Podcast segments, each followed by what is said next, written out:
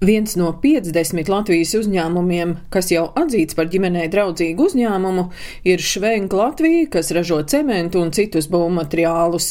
Švenka valdes locekle, personāla un administrācijas direktore Linda Šedlere stāsta, ka uzņēmumā strādā 350 darbinieki un līdz 650 apakšu uzņēmēju darbinieki.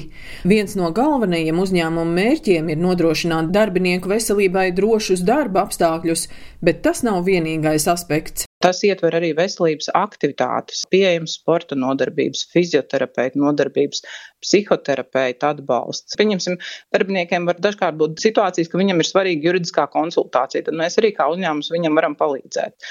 Tāpat mēs nodrošinām arī saviem darbiniekiem trīs veidu apdrošināšanu - gan veselības, gan nelaimes gadījumu, gan dzīvības apdrošināšanu.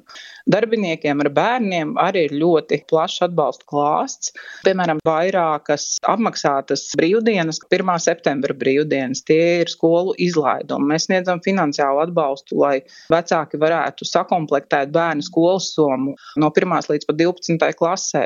Tāpat arī bērnus iesaistam dažādās ģimenes aktivitātēs, organizējot dažādus svētkus svētkus. Mēs esam mērījuši, ka visu labumu kopums, ja mēs vērtējam pret cilvēka atalgojumu, vidēji izmaksā 40 līdz 60% no jau cilvēka atalgojuma. Protams, ka šeit vispār nevar runāt par to, cik tas izmaksā, jo mēs pat negribam iedomāties, cik tas viss izmaksātu, ja mēs to nedarītu.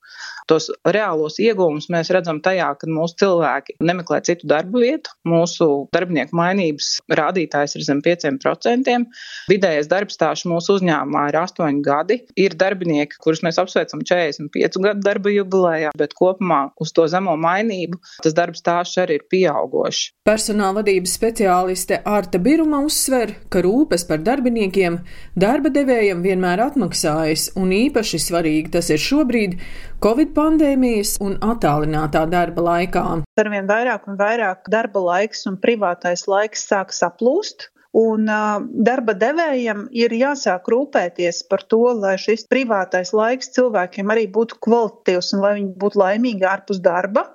Ja darba devējs grib, lai tas cilvēks ilgtermiņā pie viņa labi strādā un ir labs darbinieks. Jo nevienam neinteresē izdedzis darbinieks, kurš pēc tam pusgadu ir ārpus darba tirgus, kamēr viņš atkopjās, jo viņš ir pārstrādājies. Un nevienam neinteresē arī darbinieks, kuram ir krīzes ģimenē, ka viņiem ir šķiršanās un citas lietas.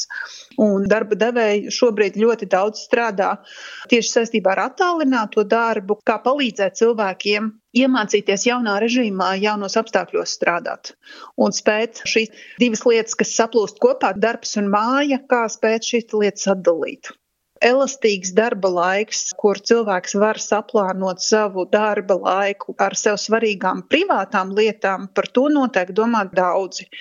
Otrs ir, tad, vai domā par to, ka ierīkot bērnu dārzu, pieskatīt. Par šīm lietām domās noteikti tās organizācijas, kuras ir pietiekami lielas un kur viņiem ir darbinieki ar bērniem, kur diezgan liels īpatsvars ir. Citā vietā varbūt būs kaut kādas citas prioritātes. Es domāju, ka katra no organizācijām noteikti kaut kādā formā veidā rūpēsies par cilvēkiem, par viņu ģimenēm.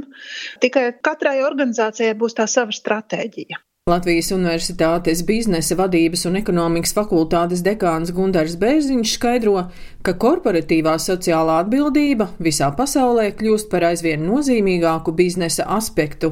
Pasaulē tendence ir tāda, ka liela daļa uzņēmumu, kuri iet par šo sociālās atbildības ceļu, viņi to dara apzināti, pat nesagaidot tiešu ekonomisko atdevi tūlītēji. Tas vairāk atbilst teiksim, uzņēmumu vērtību sistēmai un identificētām vērtībām, kuras tiek paustas un realizētas arī caur šādām aktivitātēm. Ir uzņēmumi, kas, piemēram, saka, mēs sekosim ANO ilgspējas mērķiem.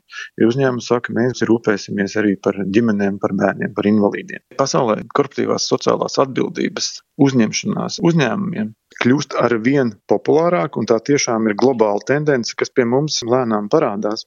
Un tas ir tas jaunais līdzdalības ekonomikas elements, ka uzņēmums ir daļa no sabiedrības.